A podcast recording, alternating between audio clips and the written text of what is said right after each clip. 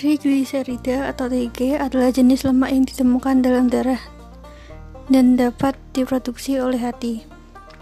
Trigliserida berbeda dengan kolesterol. Setelah makan, tubuh mengubah kalori yang tidak digunakan menjadi trigliserida yang menyimpan dan menyimpannya di sel lemak.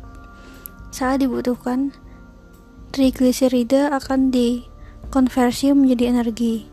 Dengan kata lain, Trigliserida adalah pasokan energi yang vital bagi tubuh.